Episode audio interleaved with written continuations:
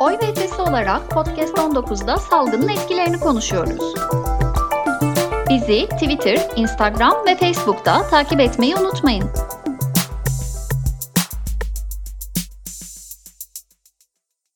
Herkese merhaba. Oy ve Ötesi'nin podcast serilerine bugün küresel salgının hayvanlar üzerindeki etkilerini konuşarak devam edeceğiz. Esasen daha çok güncel tartışmalara yer verdik şimdiye kadar yayınladığımız bölümlerde. Fakat şunu da gözetiyoruz. Bazı konuların gündemde tutulması başlı başına e, önemli bizce. O yüzden bu süreçte çok da konuşulmayan hayvanların salgından nasıl etkilendiği meselesini bugün ele almak istedik. E, ben Sevcan Çamlıda. Bugün konuğumuz Hayvanlara Adalet Derneği'nden Avukat Barış Karlı. Barış hoş geldin. Hoş bulduk. Teşekkür ederim. Dilersen öncelikle salgının ortaya çıkışından bahsederek başlayalım. Daha doğrusu yeni tip koronavirüs olarak bilinen virüsün ortaya çıkışından bahsedelim biraz. Oradan da e, hayvanlar üzerindeki etkiye doğru yavaş yavaş gelelim. Tamamdır. Ee, virüsün ortaya çıkışı tamamen aslında insanların hayvanlar üzerinde e, uyguladığı sömürüler. Yani bu ilk kez karşımıza çıkan bir şey değil. Daha önceki yıllarda muhatap olduğumuz e, çeşitli virüsler, kuş gribi olsun, domuz gribi olsun, SARS olsun ve berisindeki virüsler de aynı şekilde insanların hayvanları gıda olarak tüketmesinden kaynaklanıyor. Çin'de de bildiğiniz üzere bu e, canlı hayvan pazarından başlayan, kaynaklanan bir virüs bu zaten. Yani insanın kendi kendine aslında hayvan sömürerek yarattığı bir senaryodan bahsediyoruz. Ama yıllar geçiyor. Maalesef ki türümüzde akıllanmıyor. Aynı şeyi yapmaya devam ediyor. Aynı sonuçlarla durmadan karşılaşıyoruz. Medyada yer alan bazı haberlerde bu hastalık insanların evlerinde beraber yaşadıkları kedilerden, köpeklerden de bulaşabiliyormuş gibi haberler yayınlandı. Aslında bu çok tehlikeli bir yere varabilecek bir şey değil mi Barış? Kesinlikle. E, maalesef medyanın çok önemli bir rolü oldu bu konuda. Yani bir şekilde hayvan sömürüsünden kaynaklandığı gerçeğini evirip çevirip kediler, köpeklerden bu virüs bulaşıyor senaryosuna çevirdiler. Ve bunun sonucu olarak e, birçok insan e, bu bilgiyi doğru kabul etti ve evinde yaşadığı kedi köpeği sokağa terk etti. Bunun yanında sokakta karşılaştığı kediye köpeğe de düşmanlaşmaya başladı. Normalde kapsı koyarken özelmeye başladı, taş atmaya başladı. Yani bize bulaşan ihbarlara dayanarak ben şekilde veriye sahibim. Ee, ve inanılmaz olumsuz sonuçlar doğdu. Aslında e, hem Türkiye'den hem uluslararası düzeyde e, birçok veteriner hekim açıklama yaptı, birçok doktor açıklama yaptı. Yani böyle bir şeyin gerçeği yansıtmadığını söylediler. Kedilerden, evet. köpeklerden böyle bir virüs bulaşmıyor dediler. Yani büyük ölçüde engellemiş olsak da e, bu terk etme furyasını ya da kediye köpeğe düşmanlaşma furyasını hala e, çeşitli noktalarda bu konuda ihbarlarda maalesef ki almaya devam ediyoruz.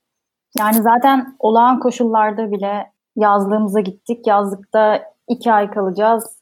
İşte aman çocuğumuz eğlensin. Bir kedi köpek buradan alalım diye alınıp sokağa atılan bir sürü hayvan varken şimdi bir de normal koşullarda birlikte yaşadıkları hayvanları insanlar sokağa atma eğiliminde olmaya başladılar. Bu tarz yanlış yönlendirmeler dolayısıyla. E, buradan belki şuraya gelebiliriz.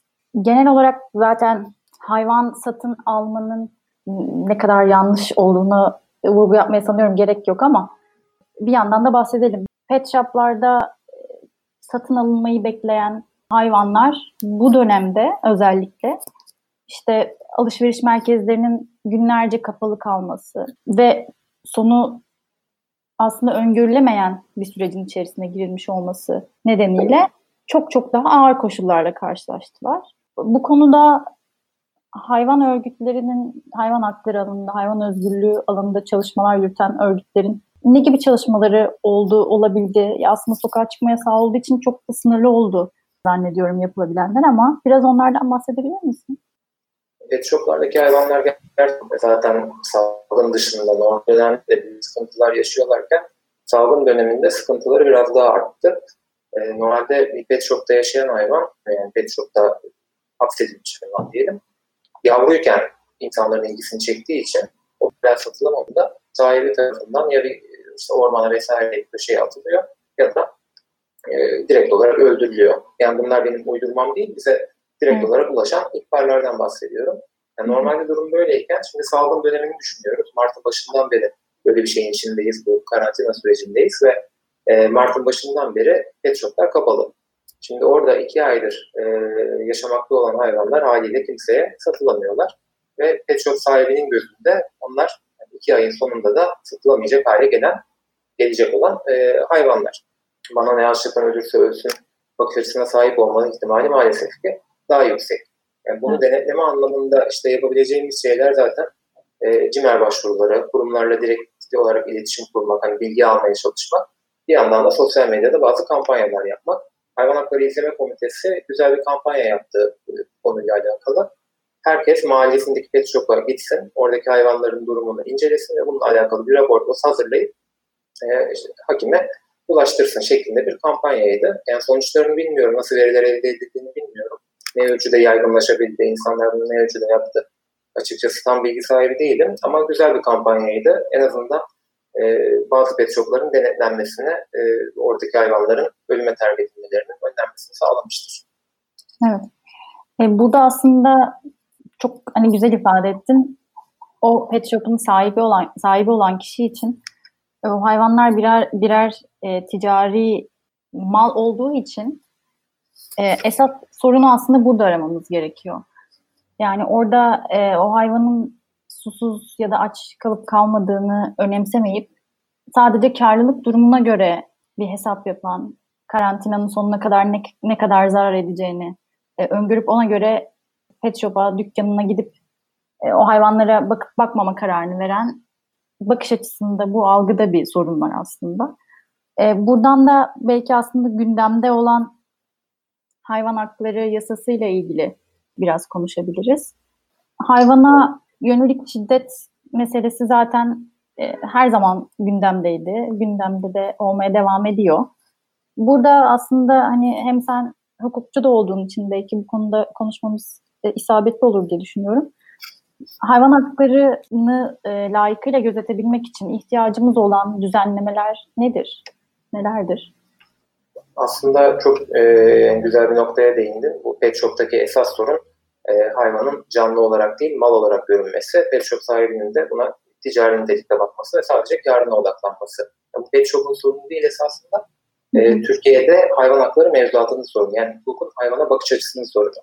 Şu anda hayvanı mal olarak gören ve e, o, bu bakış açısı üzerinden bir şekilde uygulayan bir mevzuatımız var maalesef ki. Yani tek e, cezai düzenleme olarak görünen şey mala zarar verme.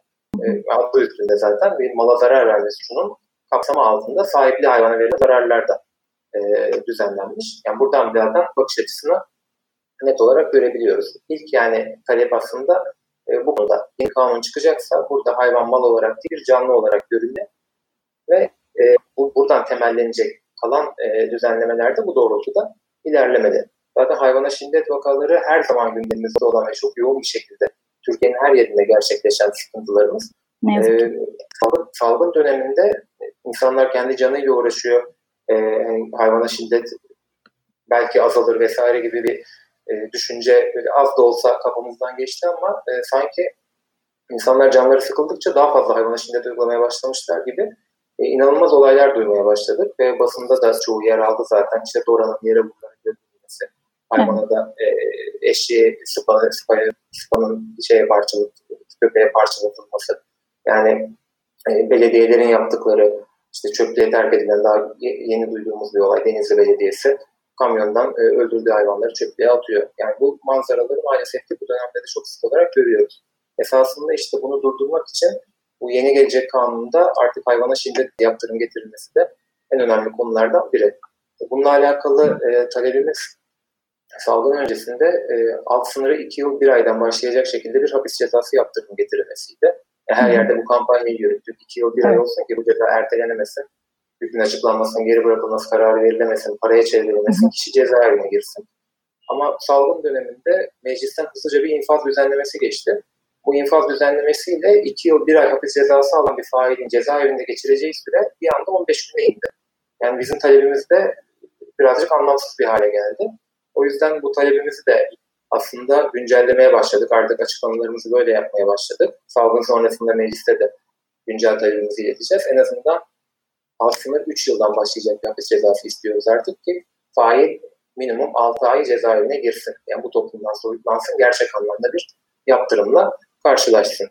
E, onun haricinde e, kafeslerin arkasında, esaret altında tutulduğu bütün alanlar kapatılmalı. Buradaki hayvanlar artık e, ömürlerinin sonuna kadar e, doğal ortamlarına bırakılmaları bu noktadan sonra mümkün değil belki. E, kurulacak rehabilitasyon merkezlerinde bakılmalı ve buralara yeni hayvan girişinin engellenmesi bu da yine en önemli taleplerimizden biri. Yani bu salgın döneminde herkes evinde kalmış ve isyan halinde evden çıkamıyoruz daraldık şeklinde.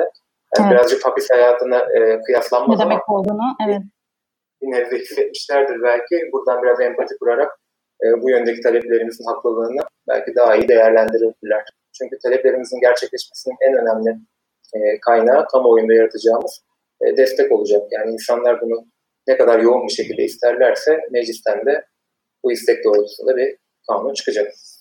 Kesinlikle zaten toplumsal bir dönüşüm olmadığı sürece bu anlamda yani bakış açımızda bir değişim olmadığı sürece o cezalar e, yani metin olarak kanunlarda yer alsa da uygulanabilirliği de onların aslında nihai amacı da çok e, düşündürücü. Çünkü e, yani biz o hayvanları taşınabilir eşya, mal statüsünde görüyorsak e, zaten kendimizi hiyerarşik olarak bir anlamda onlardan üstte görüyoruz demektir. E, burada bir sorun var, temelde bir sorun var. Bunu e, değiştirmek lazım. Bu tarz dönüşümlerde çok çok uzun e, süredir devam eden böylesi şiddet e, durumlarında kolay olmuyor elbette. Ama sivil toplumun bu anlamda hayvan hakları alanında çalışan, hayvan özgürlüğü için çalışan e, örgütlerin çalışmaları çok kıymetli.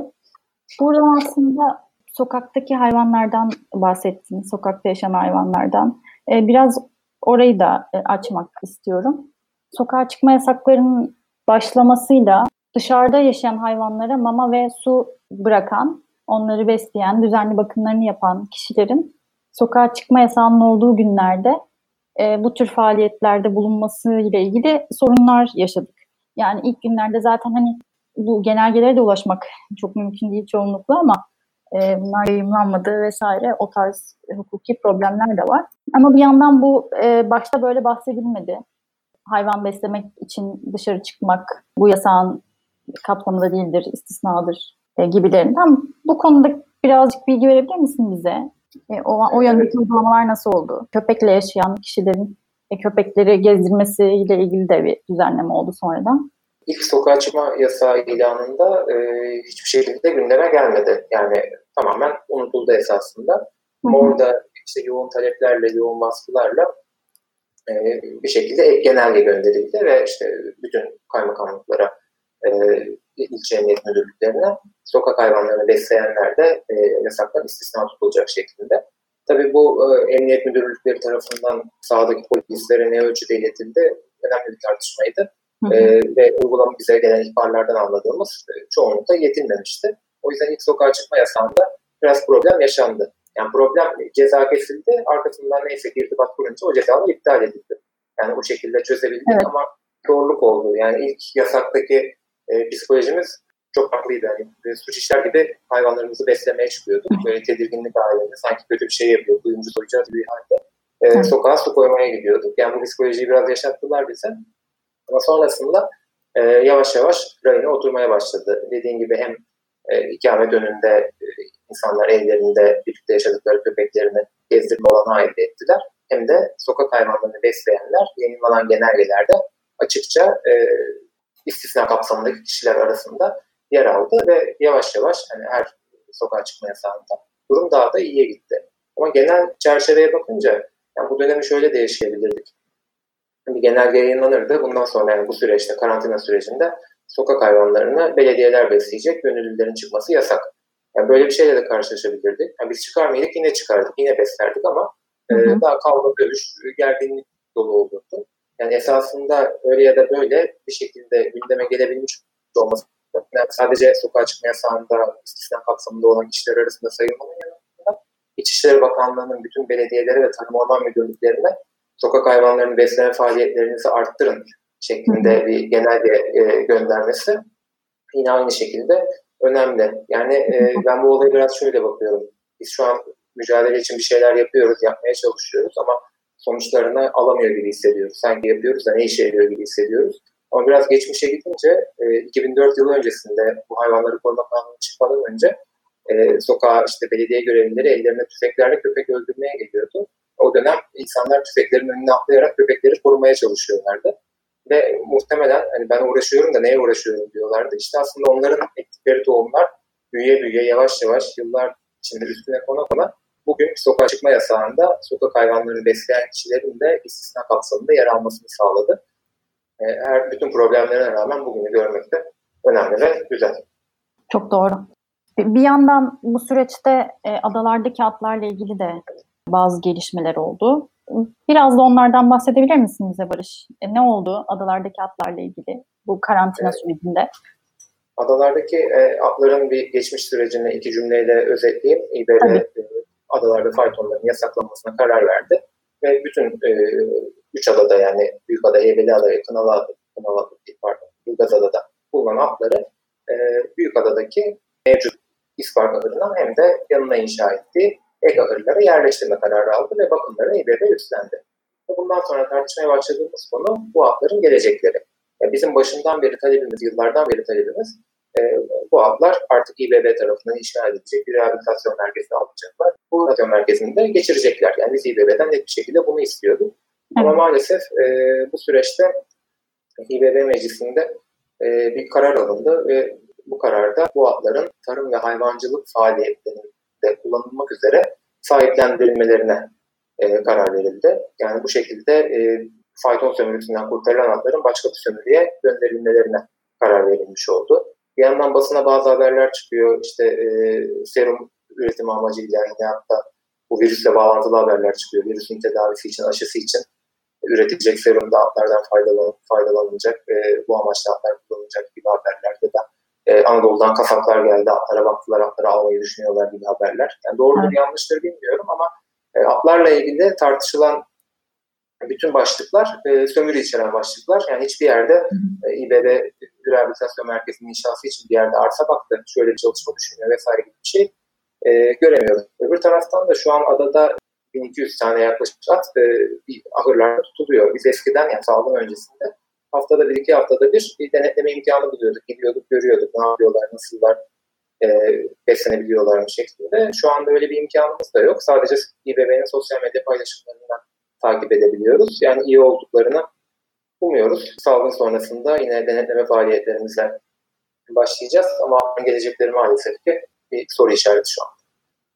Evet burada sanıyorum güncel sorun e, denetlenemez olması bu atların durumunun salgınla ilgili olarak böyle bir etkiden söz etmek ne yazık ki mümkün. Aslında ee, barınak konusuna da bir değinmek lazım. Ee, benzer bir durum evet. çünkü barınaklardaki hayvanların durumu o da çok doğru. Şu an için önemli bir e, soru işareti. Yani birçok kamu kurumunda personel azaltımı oluyor şu anda salgın sebebiyle. E, tek tek çalışıyorlar ve barınaklarda da aynı şeyi yapıyorlar. E, bir şekilde belki normalde 3 veteriner hekim istihdam ediyorsa şu anda birini çalıştırıyor orada ya da e, kaza ihbarı geldiğinde e, yetişebilecek işte normalde 5 personeli varsa şu an bir personel var. Ya da oradaki hayvanları besleyecek normalde 10 personeli varsa şu anda belki bir tane var ve bunlar ne ölçüde yetebiliyorlar. Gönüllüler gidip denetleme e, yapma şansı bulamıyorlar. Yani e, benzer şekilde oralarda hep soru işaretleri. Elimizden tek gelen şey işte CİMER'den yazalım, kamu kurumlarını arayalım, soralım. Ve onda da e, ilgileniyoruz, merak etmeyin her şey yolunda gibi sıradan cevaplar alabiliyoruz. E, gitmeye kalkarsak kapı duvar maalesef ki içeri bile giremiyoruz. Genelde hani yazmaları güzel tamam hayvan barınakları da çalışmaya devam edecek. Onun personelinde izinli kişilerden sayılacak.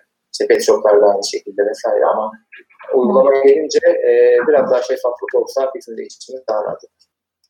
Evet, şeffaflık özellikle geçiştirilmeden cevap alabilme, şeffaf açıklamalar ve mümkün olduğunca o kapı duvar uygulamasıyla karşılaşmama bizim için çok çok e, yeterli. Hayvan örgütlerinin, hayvan hakları alanında çalışan örgütlerin esasen işini epey kolaylaştıracak hem e, gözlemleme, raporlama hem de olası bir e, bakım ihtiyacında ya da acil bir durumda müdahalede bulunabilmek için.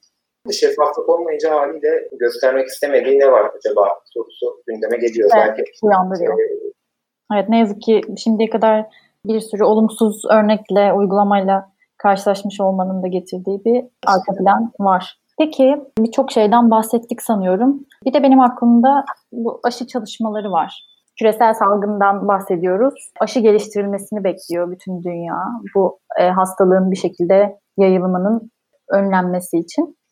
Ama biliyoruz ki aşı den- denince hayvan haklarını önemseyen e, herkesin aklında deney meselesi soru işaretleri yaratıyor. Bu konuda güncel ne var aktarabileceğin bize? Ya- Bu konuda şu anda e, şöyle gurur duyularak verilen haberler. İşte bilmem ne üniversitesinde bilmem ne isimli profesör e, aşı çalışmalarında hayvan deneyleri aşamasına geçti. Hayvanlar üstünde kullanmaya, denemeye başladı. Yakında müjde gelecek. Böyle e, şu an gurur kaynağı. Yani bir aşı çalışmasında hem uluslararası düzeyde hem Türkiye'de hayvan deneyleri aşamasına geçmek, yani hayvanlar üstünde bir şeyler denemeye başlamak, bu anlamda hayvan sömürüsü yapmak e, gurur kaynağı gibi. Burada da yine aynı bakış açısına geliyoruz. İnsanın e, sağlığı, insanın yaşamı e, hayvanın yaşamından her zaman olduğu gibi yine burada da ön planda tutuluyor. Ve e, bu insanların bu virüsten kurtulmaları için e, hayvanların e, deneylerde sömürülmeleri makul karşılanıyor. E, ben yine büyük çerçeveye bakınca manzarayı çok e, esasında yani üzücü ama e, insanın yarattığı şey bakımından da komik görüyorum. Yani e, bir sömürü döngüsü yaratmış ve kendi kısır döngüsünde e, takılmış kalmış gibi esasında bir virüs yaratıyor. E, bu virüs sebebiyle yine e, en büyük mağduriyeti belki birçok alanda hayvanlar yaşıyor. Virüsten kurtulmak için yine bu sefer deney aracılığıyla hayvan sömürüsü kullanılıyor. Sonra bundan hiçbir ders çıkarmıyor ama en başa dönüyor. E, yine aynı gıda amaçlı sömürü sebebiyle aynı virüs işte benzerini vesairesini yaratıp aynı döngüde takılmış kalmış. Yani bu döngü içerisinde hayvanları öldürüyor bir yandan kendi de ölüyor ama hiçbir şekilde ders çıkarmıyor. Sözde çok zeki diye övünen bir tür ama e, yani bu garip bir garip kısır döngüde hem kendine hem hayvanlara zarar, zarar verme halinde maalesef.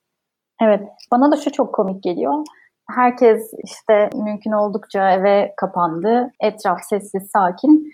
Sosyal medyada oturduğumuz yerden kıyıya yanaşan yunusların işte videoları, işte ne bileyim başka herhangi bir yerde başka hayvanların gezintisi vesaire fotoğraf ve video olarak paylaşılıyor ve e, şu başlıkla paylaşılıyor. Doğa gerçek sahiplerini buldu. Yani eğer doğanın gerçek sahiplerinin o hayvanlar olduğunu düşünüyorsak neden bugün bunları yaşıyoruz? Bahsettiğin silsileyi gözeterek soruyorum bu soruyu. Neden ortak bir yaşam kurma tahayyülümüz yok?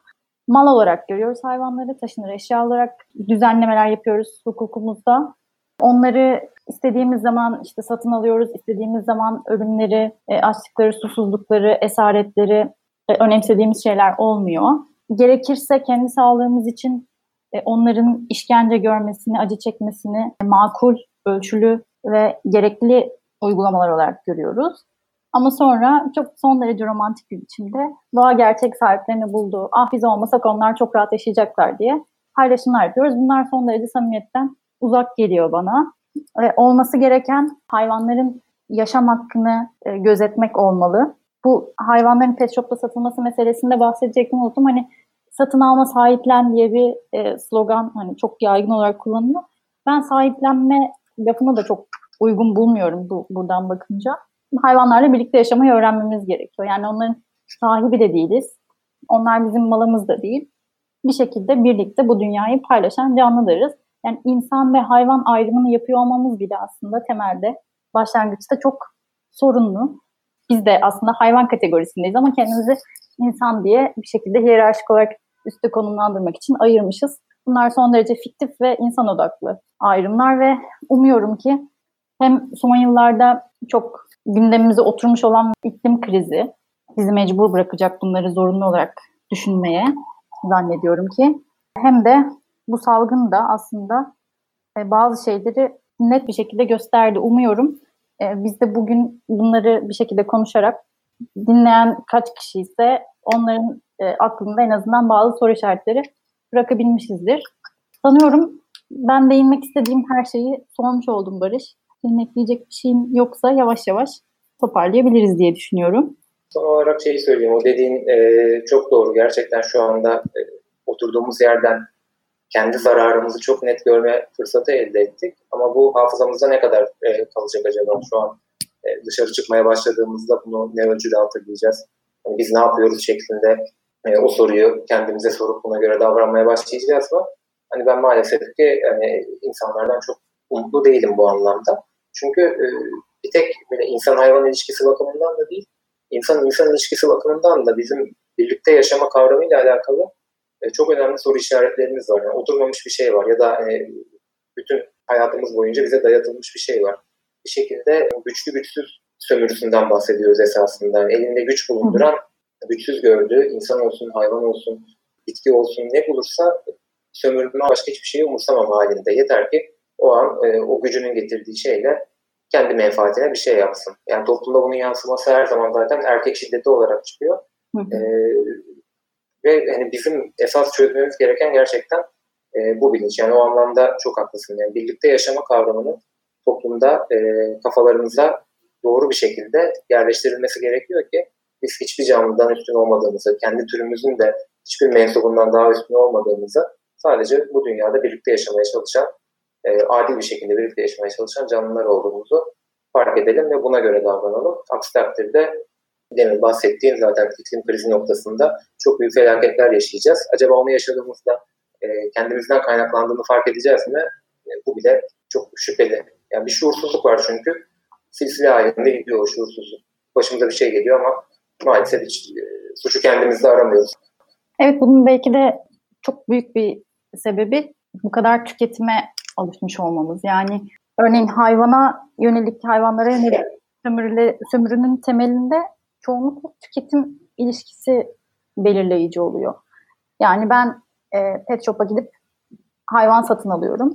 İşte onu çocuğum eğlensin diye örneğin. E, çocuğumun canı sıkılınca onu sokağa atabiliyorum. Çünkü bunu dediğin gibi hiyerarşik olarak yani bunu, bunu yapabildiğim için e, buna muktedir olduğum için yapıyorum. Hayvanat bahçesine gidiyorum. O hayvanların orada esaret altında olduğunu düşünmüyorum, sorgulamıyorum bile. Çünkü bu o kadar yerleşmiş bir tüketim alışkanlığı ki yani hayvanat bahçesi gidilip ziyaret edilen, eğlenceli vakit geçirilen yer olarak anlatılıyor. Yani hepimize böyle anlatıldı küçükken. Okul bunları, gezilerine götürdü, toplayıp, toplayıp evet, götürdüler yani maalesef. İşte turistik gezilerde hayvanların rolü yine tartışılabilir bu anlamda.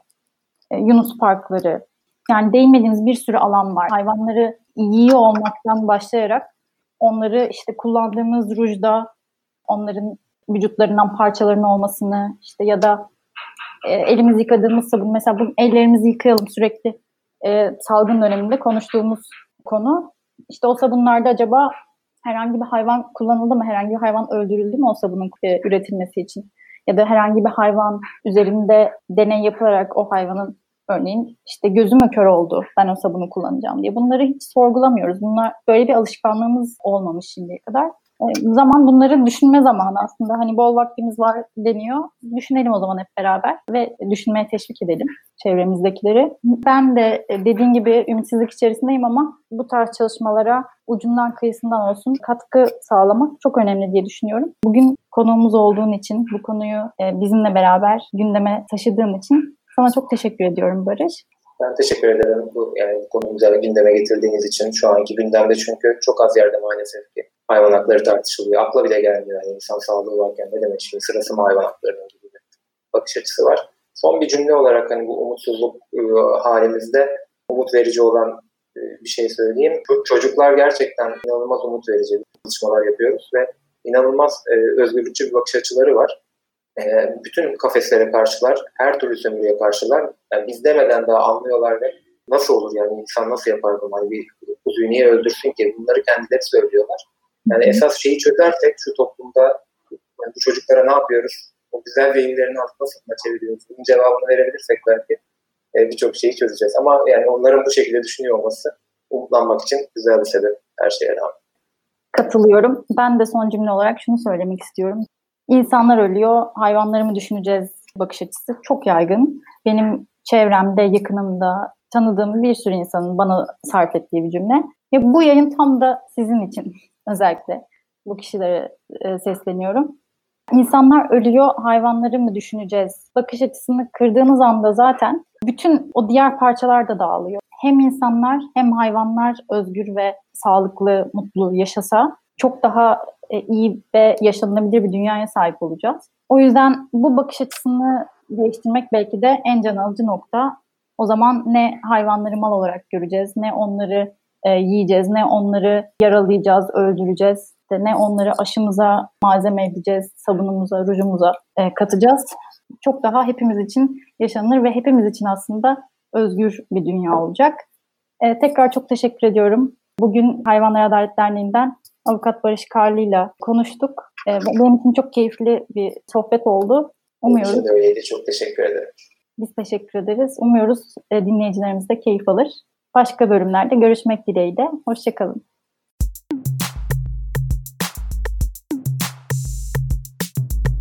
Yayınımızın diğer bölümleri için bizi takipte kalın. Çalışmalarımız hakkında bilgi almak için oyvötesi.org'u ziyaret edebilirsiniz.